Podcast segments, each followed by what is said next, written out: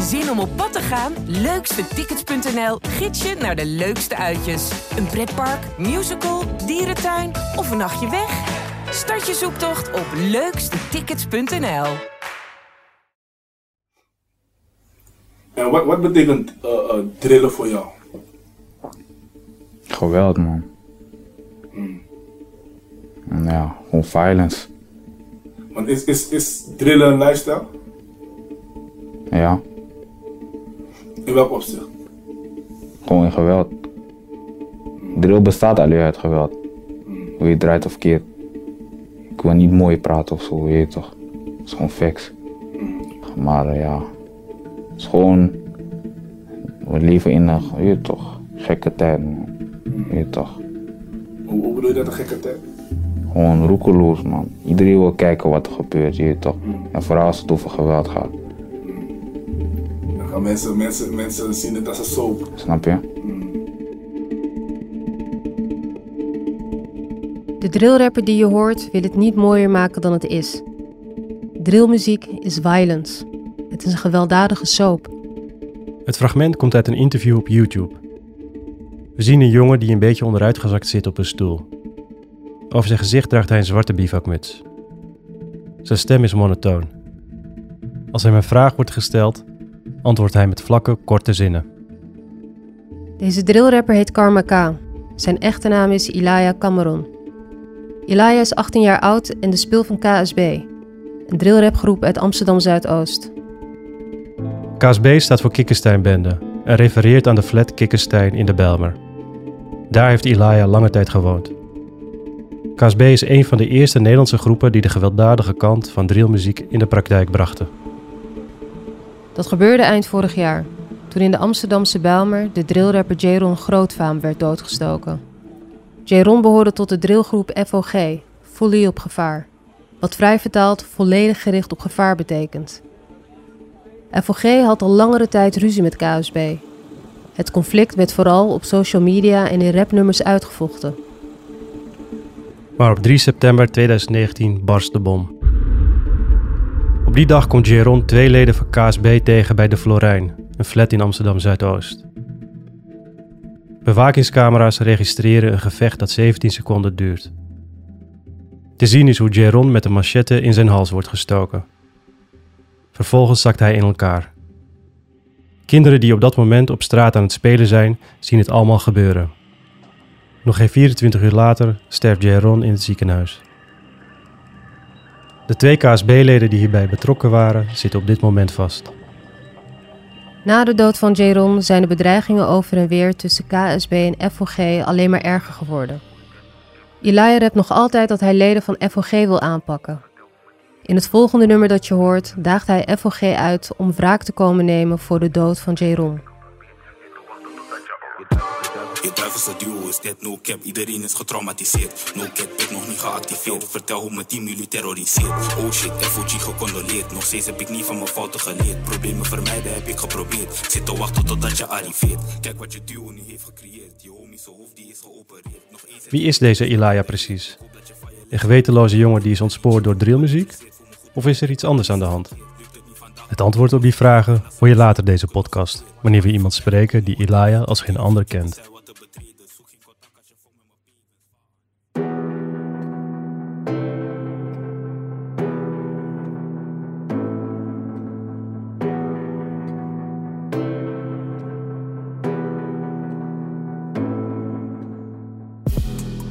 Ik ben Nadia Zeroili.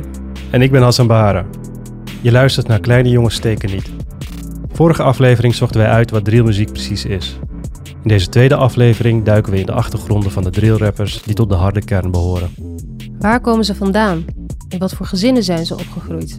En wat is de aantrekkingskracht van drillmuziek op deze jongens? Op deze vragen en meer proberen we in deze aflevering een antwoord te krijgen.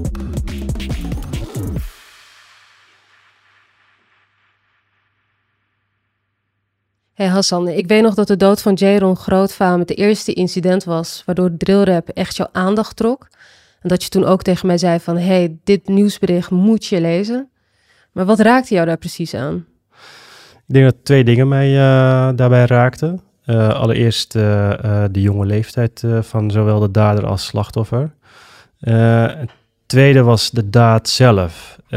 Het idee dat zulke jonge jongens, tieners nog, met zulk geweld elkaar te lijf gaan. Dat de een de ander eh, met een mes eh, doodsteekt.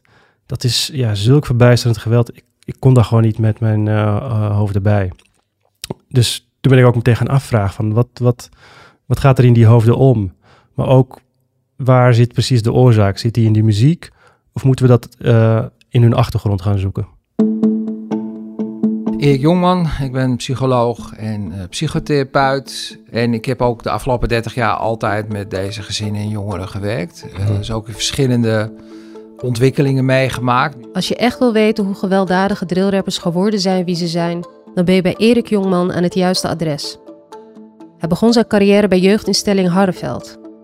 In 2017 publiceerde hij het boek Gevoel is explosief materiaal.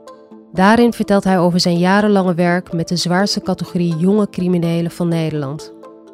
Volgens Jongman is hun ontsporing vaak te herleiden tot een miserabele jeugd vol geweld, armoede en emotionele verwaarlozing. Het afgelopen jaar had Erik Jongman ook gewelddadige drillrappers in behandeling. Nu heb je dan drill, maar daarvoor heb je natuurlijk ook eh, andere type gangs gehad. De Crips en de Bloods. Je hebt verschillende eh, eigenlijk groepsvormingen gehad. Met soms ook wel behoorlijk heftige excessen qua geweld. Ja. Uh, dit gaat komende tijd echt heel ernstig uit de hand lopen. Ja? Ja, ik denk dat de politiek, we proberen het wel, omdat ik natuurlijk daarmee bemoei. Probeer de politiek en de gemeente en alle partijen hiervan bewust te maken. Maar dit gaat heel, heel ernstig nog uit de hand lopen. Ja, omdat um, het is eigenlijk business as usual. Mhm. Maar door de muziek en de social media, maar ook omdat het nu al met zoveel jonge jongens eigenlijk met messen en met wapens gepaard gaat, is gewoon uh, in plaats van met blote vuisten of met noem maar op, is het Mhm. gewoon, uh, gaat het heel veel kinderen waarschijnlijk hun leven kosten de komende tijd. Die, die kans is heel groot. Eén drillrapper die onder behandeling is bij Jongman zit op het moment vast op verdenking van moord. Uit privacyoverwegingen kan hij daar niet al te veel over vertellen. De drillrapper komt uit Amsterdam Zuidoost, een belangrijk werkterrein van Jongman. Daar begeleidt hij gezinnen die worstelen met financiële, juridische en psychische problemen. Ik denk dat er meerdere dingen een rol spelen. Uh, er speelt natuurlijk inderdaad welk gezin kom je vandaan? Wat, wat heb je meegekregen? Uh, armoede, sociaal-economische klasse speelt een rol. Maar ook wel testosteron, ook wel competitie. En dan wel vanuit de verkeerde context, vanuit de onveiligheid uit de buurt, vanuit minder kansen, maar ook wel vanuit soms huiselijk geweld in het gezin, verwaarlozing. Uh, nou ja, noem maar op. Dus het is een heel complex wel Mm. wat dat betreft. De problemen en achterstanden waar Jongman over vertelt, zijn in weinig buurten zo schrijnend als in Amsterdam Zuidoost. Een recente factsheet van de gemeente Amsterdam laat zien dat de jeugd in Zuidoost veel verkeerde lijstjes in de hoofdstad aanvoert. Zo groeien jongeren in Zuidoost vaker dan gemiddeld op in armoede en in een eenoudergezin. Hebben ze een verhoogde kans om slachtoffer te worden van huiselijk geweld, presteren ze beneden gemiddeld op school en leven ze vaker dan elders in Amsterdam van een uitkering. Het zijn cijfers die duidelijk maken dat een stabiele en veilige jeugd in Amsterdam Zuidoost niet vanzelfsprekend is. En waar stabiliteit en een veilige thuissituatie ontbreken, daar ligt gevaarlijke groepsvorming op de loer.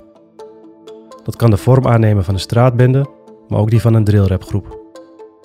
Wat je ziet, en dat is denk ik wel voor alle groepsvorming uh, iets wel heel cruciaals, is dat op het moment dat ze in die groep zitten, dan zijn ze en, en, ze daar ook nog een onderdeel van willen zijn, of, of daar niet heel veel twijfels over hebben en daar nog helemaal middenin zitten, dan lijkt het wel alsof ze ton onaanraakbaar zijn op dat ja. moment. In ja. grote lijnen kan je wel zeggen dat veel van die jongens toch niet helemaal um, uh, de veiligheid en de verbinding hebben gevoeld met hun gezin zoals het nodig was. Groepsvorming in achterstandswijken is niks nieuws, vertelt Jongman.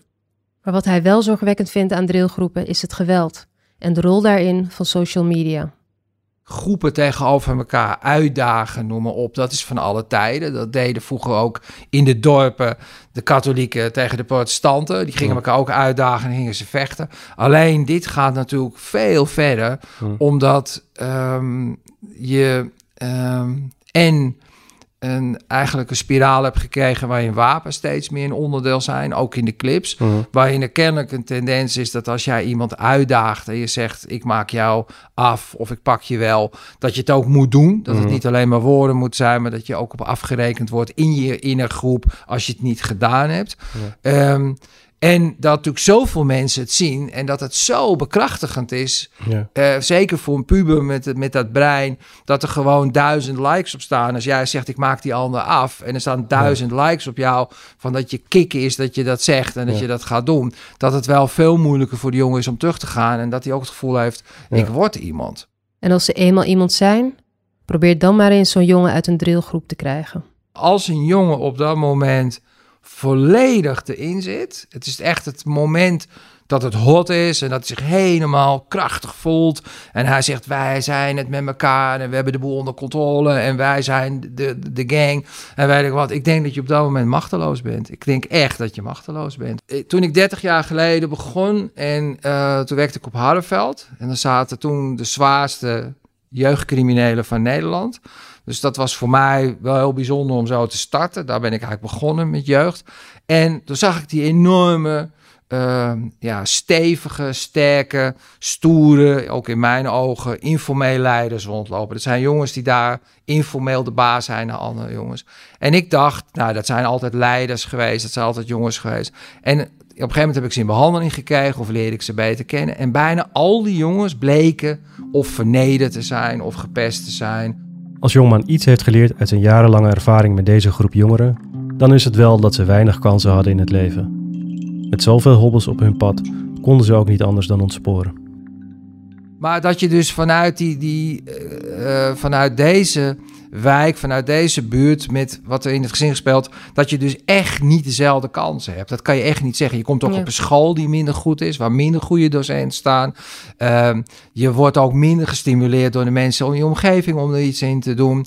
Eh, je hebt dus ook soms minder die intelligentie. Emotioneel ben je soms meer bezet. En dan kom je, en dat was wat ik eerder tegen jou zei, soms ook nog wel buiten waarin je moet gaan overleven. Veel van mijn jongens zeiden, maar Erik, wat jij nu zegt, toen moest ik gewoon overleven. Ik was geen tijd om na te denken, wat wil ik later met school of met studie. Want ik moest gewoon overleven, want ik liep gewoon gevaar als ik buiten was. Want ik was weer ruzie of er waren conflicten.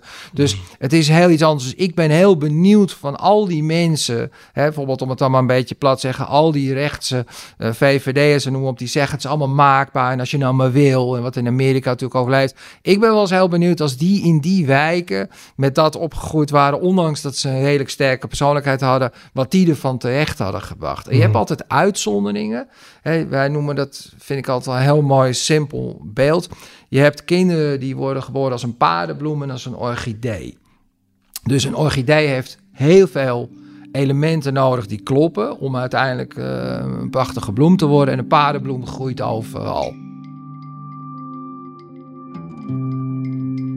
Paardenbloemen en orchideeën dus. De orchidee is kwetsbaar. Die is niet goed bestand tegen elementen als armoede en geweld. De paardenbloem kan veel hebben. Die kan onder alle omstandigheden gedijen en vindt zichzelf de moeite waard om voor te knokken.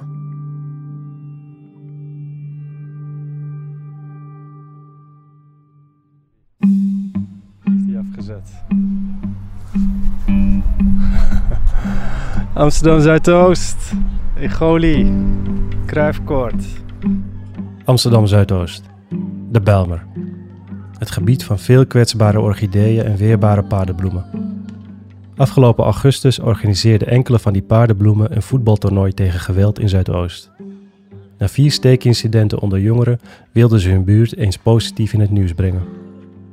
Als wij de jongens ontmoeten, is het begin september.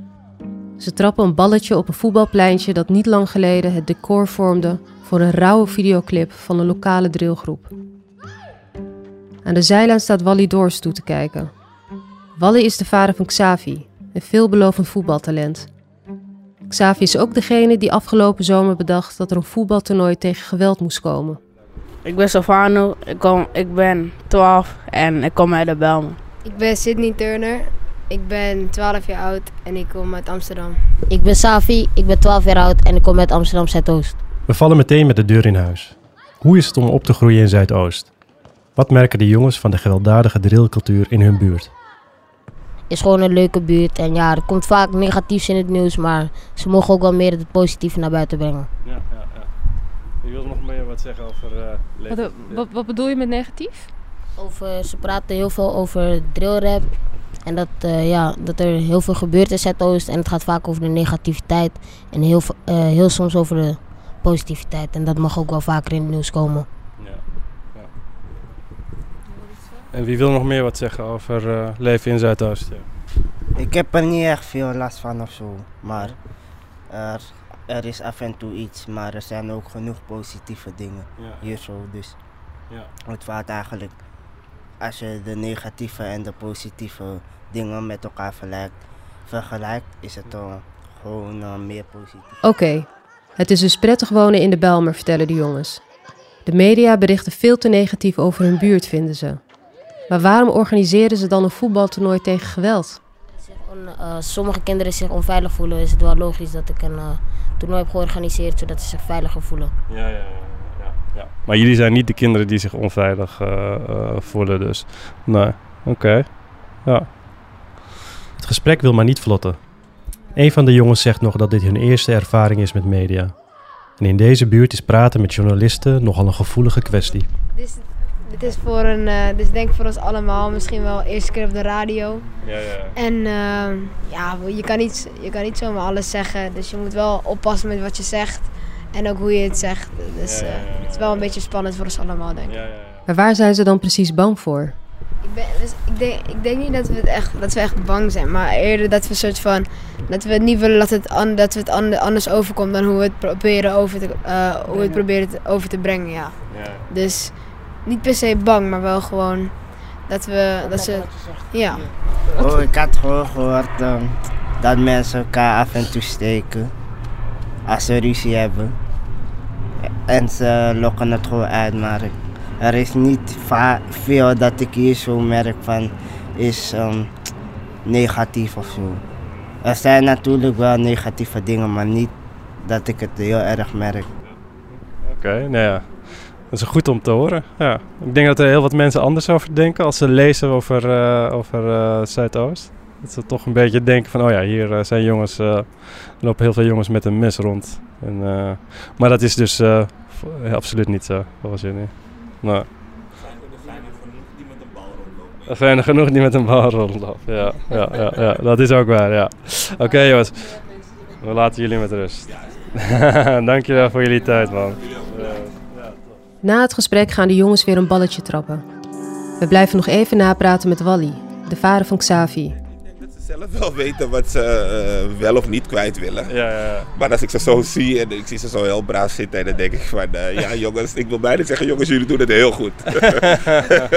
nee, jullie doen het heel goed. Jullie doen Ja, het heel ja, goed. ja. Maar als jullie, wat, als jullie wat willen vertellen, ja, doe het gerust. We praten met hem over de rol van ouders in Zuidoost. Het beeld bestaat dat niet veel ouders zo betrokken zijn. Zelf ziet hij dat veel ouders juist wel begaan zijn en het beste willen voor kinderen uit de Bijlmer. Maar ik denk dat er wel echt heel veel zijn die zoiets hebben van, eh, weet je, deze kinderen hebben een toekomst. Ze hebben het al moeilijk. Ze, voor de buitenwereld, ze hebben een kleurtje, ze hebben een achterstand, want ze komen uit deze wijken. Wij moeten zorgen dat deze kinderen gewoon een eh, duwtje in de rug krijgen en zorgen dat ze zo, zo goed en zo veilig mogelijk opgroeien. Mooi initiatief, zo'n voetbaltoernooi. Maar ergens is het ook wel een beetje tragisch dat zoiets nodig is om veiligheid onder de aandacht te brengen. tragisch. Ja, je moet een signaal afgeven. Je moet iets doen. Je moet iets doen, je moet met het tegengeluid komen. En gelukkig, ja, dat zeg ik. De media die heeft, het, heeft ook het positieve nieuws opgepikt. En eh, ja, weet je waar je normaal, als je Zuidoost zou horen, zou je horen van, eh, ja, wat is er nou weer gebeurd in Zuidoost? En nu was het bij For Niks, eh, ja, kindermagazines, ging het over een, een 12-jarige jongen die eh, een toernooi heeft georganiseerd. Nou, en wat gebeurde er? Zelfs bij dat toernooi had je andere ouders, hé, hey, mijn dochter, die kan ook iets. Nou, mijn dochter kan ook iets organiseren. Nou, die had ook weer iets. Ik ken ook wel iemand, ik kan volgende keer sponsoren regelen. Dus dat zeg ik, je krijgt een eh, soort domino sneeuwbaleffect. En eh, ja, dat is gewoon heel positief en heel goed. Dus ja, al het slechte brengt soms ook iets goeds mee. Dus ja. Met Savi en al die andere jongens die we in de Bijlmer spraken, komt het wel goed. Het zijn taaie paardenbloemen. Maar hoe zit het met de kwetsbare orchideeën waar Erik Jongeman het over had? Hoe groeien die op in zulke wijken? Mijn tina verpakt net als crack. In- Investeer, maak het weer back. Winst is omzet, min invest. Dat is basic. Ik push die gebeurt geen basic. Straks een vis is geen facelift. En mijn X voor je feestjes. Want, want ik ben een plug op je party. Ik heb die molly, die Kate de DMC. En ik heb die Sunny. Als ik nu 16 was, dan zou ik hetzelfde muziek hebben gemaakt als die drill is. Dan zou ik ook eh, geweld, geweld, geweld. En dan zou ik het ook opzoeken, hoogstwaarschijnlijk, snap je? Maar eh, ik, denk, ik denk dat, dat de meeste van die jongboys, natuurlijk zullen ze steken, snap je? Als, als, echt, als een kat in het nauw gedreven wordt, dan maakt die rare sprongen, doe ik ook, snap je? Als iemand mij in het nauw dreef, ik prik hem koelbloedig. Dit is JVU, een drillrapper uit Utrecht. JVU is een van de weinige drillrappers die wel op ons interviewverzoek inging en die wel open wil praten. Hij is met 29 jaar redelijk oud voor een drillrapper. Ook hij rapt over messen, maar in zijn videoclips zwaait hij er niet mee. Hij wil vooral overbrengen dat hij een succesvolle cokedealer is. Maar dat betekent niet dat hij geweld in de drillrap scene zal schuwen als het nodig is. Dat nog steeds? Nog steeds, dat, dat, dat is no, no doubt, snap je? Maar dat hoef ik niet te promoten, snap je? Dat is, dat is een tweede, snap je? Als, als, als, als, als een van die drill, als ik, een- als, ik ruzie, als ik ruzie heb met een van die drillrappers en, en, en, en hij, sta, hij staat hier en hij komt met een mes naar me toe en ik ben mijn auto, ik rij hem gewoon dood. Dat, dat, dat, is, dat, is, dat, is, dat is gewoon, dat is hoe de straat werkt. Ik zit met JVU op een bankje in een studentenwijk in Utrecht. Hij heeft een petje op en zijn armen zitten onder de tattoos. Het is een intense spreker die snel en doordringend praat over zijn straatleven en zijn jeugd. Ik ben opgegroeid in Houten en toen ben ik op eh 12, 13-jarige leeftijd verhuisd naar Utrecht, naar Hooggraven. Ik was, eh, eh, ik was jong, eh, weet je, eh, wegens problemen thuis niet. Ik was niet uit huis, maar ik en mijn moeder moesten wegens dingen die ge- gebeurd waren, moesten we uit, uit de gemeente Houten. Snap je? En ja, we waren eigenlijk vijf jaar verbannen uit gemeente werden we, gingen we naar Utrecht. En eh, toen kwam, als eerst kwam ik, in de, kwam ik bij mijn oma te wonen. En natuurlijk, mijn jeugd was niet, was niet de makkelijkste, snap je? Ik, eh, eh, helemaal eh, in de jeugd was ik, eh, was ik probleemkind. In de zin van, je weet toch, de eerste keer dat ik jeugddetentie zat, was ik 13 jaar voor straatroven. Snap je? Ik bedoel, ik was geen lieve jongen, snap je? En ik heb mijn struggles gehad. eh, je weet toch, enigszins kind bij, bij mijn moeder. Maar ik denk niet dat ik een zwaar leven heb gehad. Ik bedoel, het kan altijd erg, snap je? En uiteindelijk ben ik goed op mijn pootjes terechtgekomen. In de zin van, ik sta gewoon een mannetje. Als ik, als ik zeg dat ik een slechte jeugd heb gehad, doe ik mijn moeder tekort, snap je? Maar ik heb niet de makkelijkste gehad. Dat is het. Het levensverhaal van JVU lijkt weinig te verschillen met dat van andere drillrappers. Het is een jeugd die getekend wordt door onveiligheid, armoede en criminaliteit. En ook JVU probeerde al vroeg die ellende te ontvluchten door veiligheid in een groep te zoeken. Had je toen, je, toen je jong was, had je toen een, eh, zeg maar een eh, crew, een eh, groep jongens met wie, met wie je was? Ja man, ja man. Ja man, mensen, hoe heet nou, mensen kennen dit misschien nog wel, grenzeloos.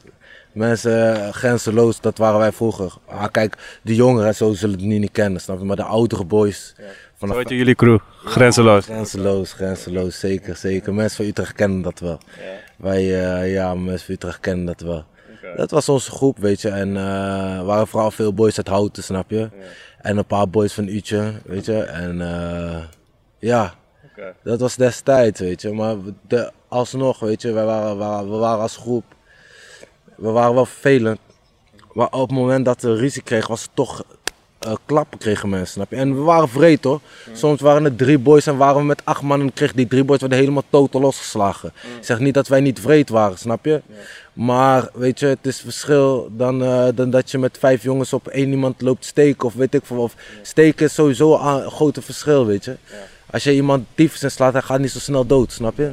Kan wel, een mens kan wel wat hebben, snap je? Maar als je gaat steken, ingewanden, weet je, bloed, eh, heb je geen controle over, snap je? En wat, wat vonden jullie bij elkaar, die jongens van Grenzeloos?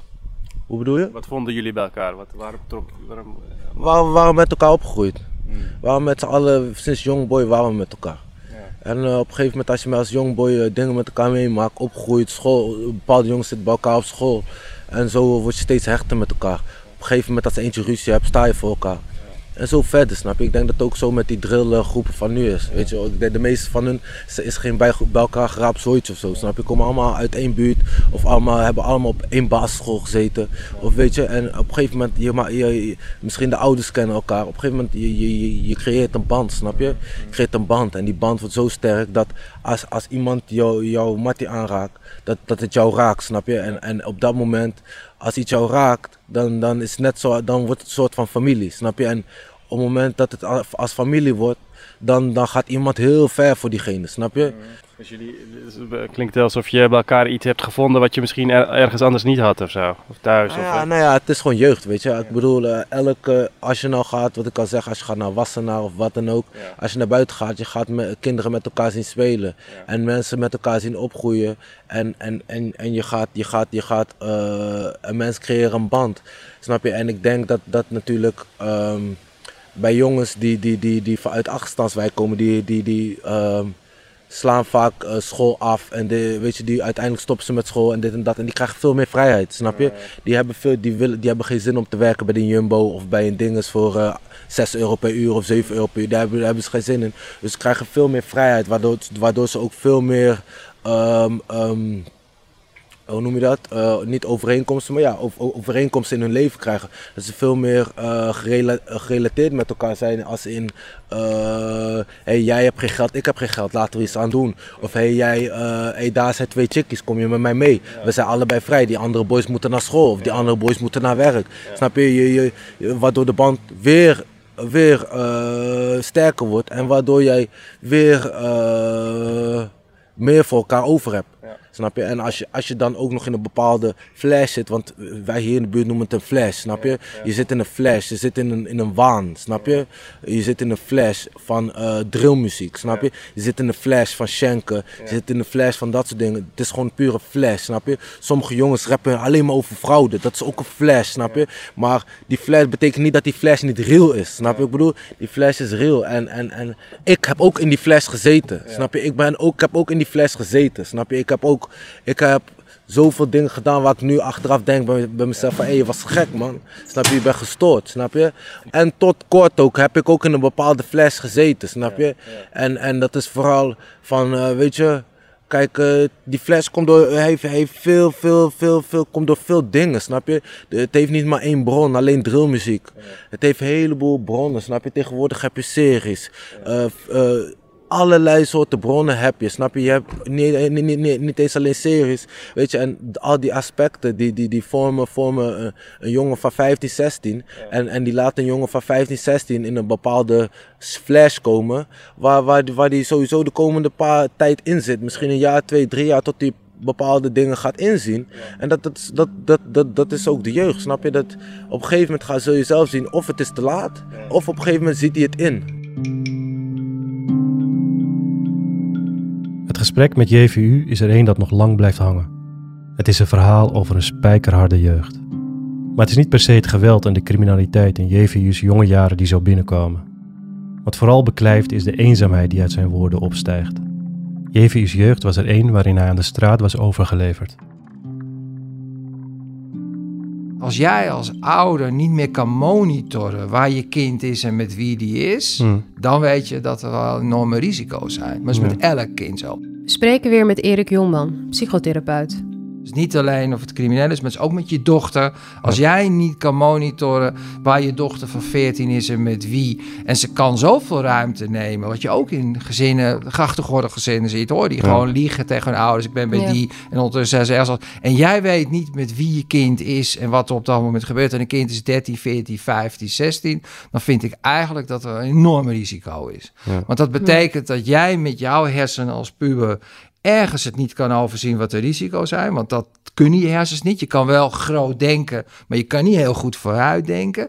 En op dat moment maak je beslissingen. En als je ouders niet weten bij wie je bent en waarom dat zo is. En als er iets is dat, dat, eh, nou, dat, dat je er dan ook gewoon meteen kan acteren. Dan zit je wel echt ernaast. Een andere die heel belangrijk is, is hoe heb je als ouders met je kind ook de band opgebouwd, ondanks dat je elk gezin zijn ding heeft, dat je kind altijd weet dat als er een probleem is, dat hij naar je toe kan. Want het is natuurlijk niet zo dat in die aanloopfase naar zo'n groep naar buiten toe dat alles leuk was. Een kind kan gepest zijn eerst. Bijna Ja. al mijn jongens zijn gepest. Het kan zijn dat je vernederd wordt op de straat. Dat je daarom zelf een mes mee gaat nemen omdat je verne- vernederd bent. eh, om juist sterk te zijn. En op dat moment mag je bij die groep horen. Dus er zit een aanloopfase waarin van alles speelt met een kind. Want het is niet alleen maar een leuke keuze. Het is soms ook een keuze om gewoon veilig te zijn in je buurt.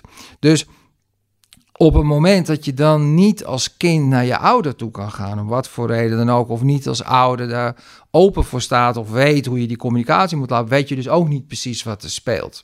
En heel veel van mijn jongens zeggen: Ik kon toen niet terecht bij mijn ouders, om wat voor reden dan ook. Ja. En dan ga je hem wel buiten zoeken. En dan ga je ook niet meer, als je ouder wordt, zomaar weer terug het gezin in. En Ja. dan moet je vaak met gezinstherapie echt weer werken om die communicatie te laten lopen, zodat ze elkaar weer begrijpen en dat die jongen naar zijn ouders of naar zijn broer toe gaat om hulp te halen. Grip houden op je kind. Voor iedere ouder kan dat een uitdaging zijn. Helemaal lastig wordt het als je een ouder bent in een moeilijke wijk en je kind al op jonge leeftijd dingen als armoede en geweld meemaakt. Zie je kind dan maar eens uit de greep te houden van bendes die veiligheid beloven. Terug naar Karmaka. Ilaya, de drillrapper die we aan het begin van deze aflevering eventjes hoorden. Wat voor jongen was Ilaya voordat hij namaakte in de drillmuziek? Wat was zijn thuissituatie en wat heeft hem gevormd? Wie kan dat beter weten dan zijn eigen moeder?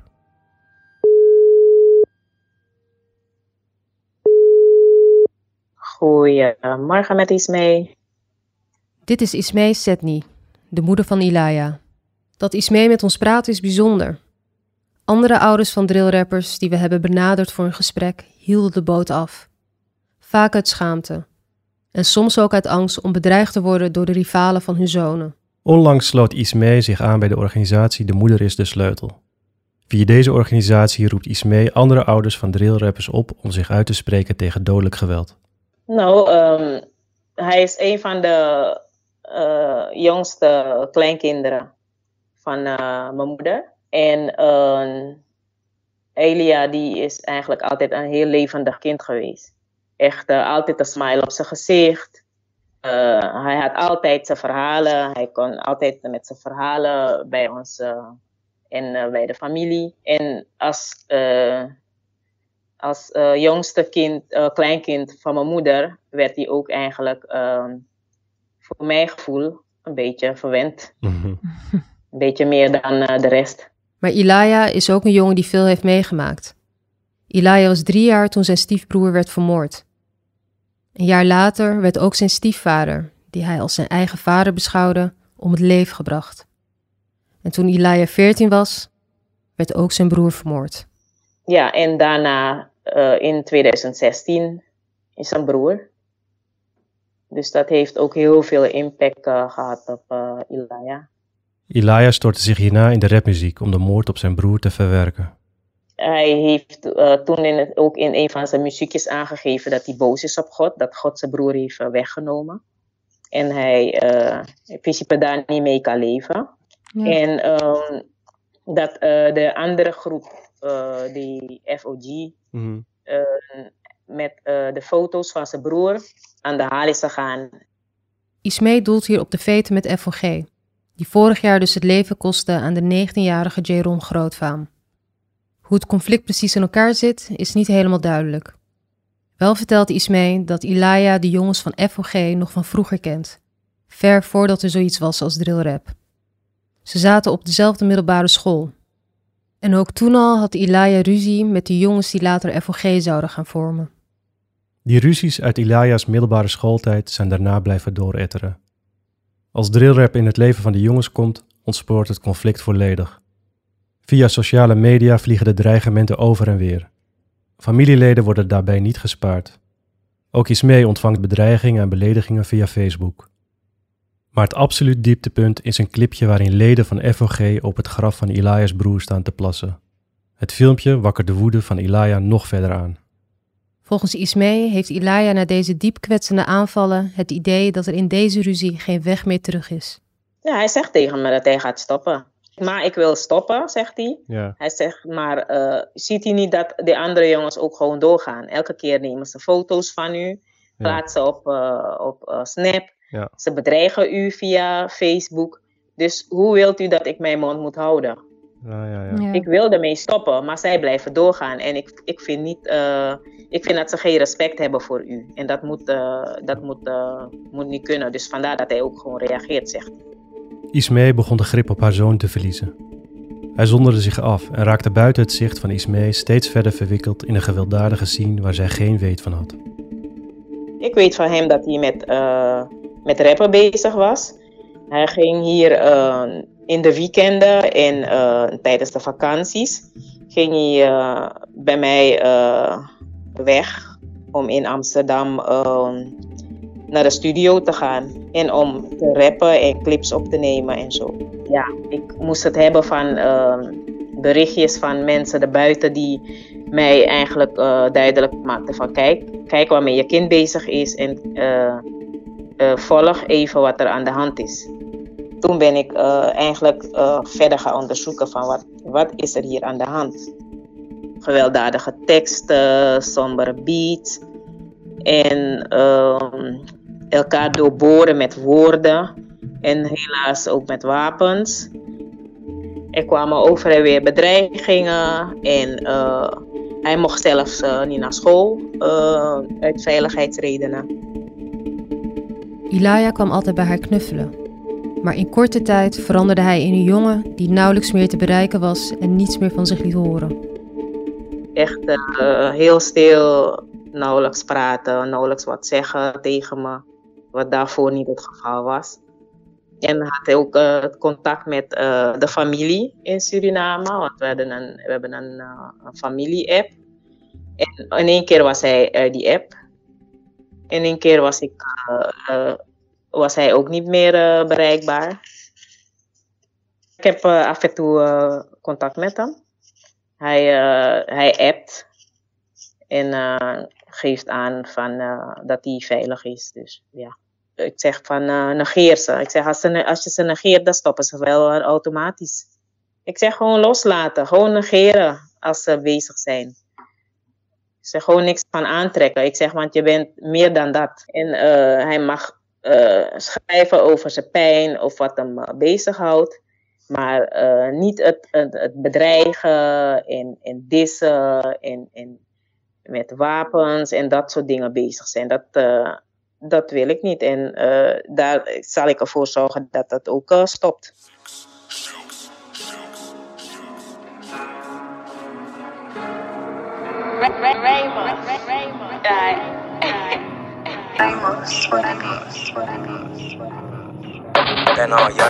Gedropt. Mm, mm. Dat ik, dat ik, dat dat ik jou niet tegenkom, dat binnen het navigeren het kompas. Zeg verkeerd, je zoekt, zoekt, je kan maar post Ik ben in de, ik ben in de, ik, ik ben in de key met millions. Hij is met hun, dus hij is geen civilian. No get back, allemaal op zijn ridiculous. We zien die weer frontline en we spinnen het. Slide in die GTI en we chingen hem. Die schade die je ziet, dat verrichten we diligent. In de bendo heb ik middelen. Jullie verliezen de strijd en we winnen in het. Ik ben in de key met millions. Hij is met hun, dus hij is geen civilian. No get back, allemaal op zijn ridiculous. Wat je hier hoort is het laatste nummer van Ilaya. Het verscheen eind september, kort nadat we zijn moeder spraken. In de videoclip is de gemaskerde Ilaya in het gezelschap van een grote groep andere gemaskerde jongens. Ze staan voor de Florijn. Dat is dezelfde flat waar vorig jaar Jaron groot van werd doodgestoken. Kijk je goed naar de clip, dan zie je opeens wat psychotherapeut Erik Jongman bedoelde toen hij vertelde dat beschadigde jongens vaak veiligheid zoeken bij een groep of bij een bende. Daar staat Ilaya, de jongen die nog altijd boos is op God vanwege de moord op zijn broer. Hij heeft zich omringd met jongens die kracht uitstralen en met hun maskers en donkere kleding intimiderend overkomen. Ze zijn er voor elkaar en vormen een schild tegen geweld, verlies en vernedering. De videoclip en de teksten zijn één grote middelvinger naar Jerons familie en vrienden. Het is een doelbewuste provocatie, bedoeld om het conflict tussen KSB en FOG nog verder op de spits te drijven.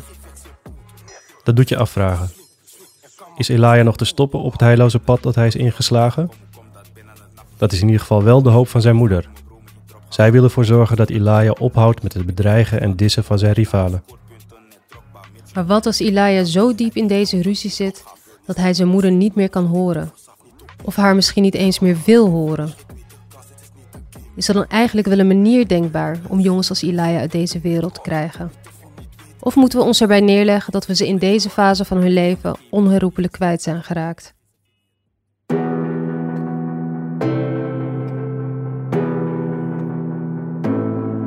Over een aantal mogelijke oplossingen voor dit lastige dilemma hoor je in aflevering 3 van Kleine Jongens Steken Niet.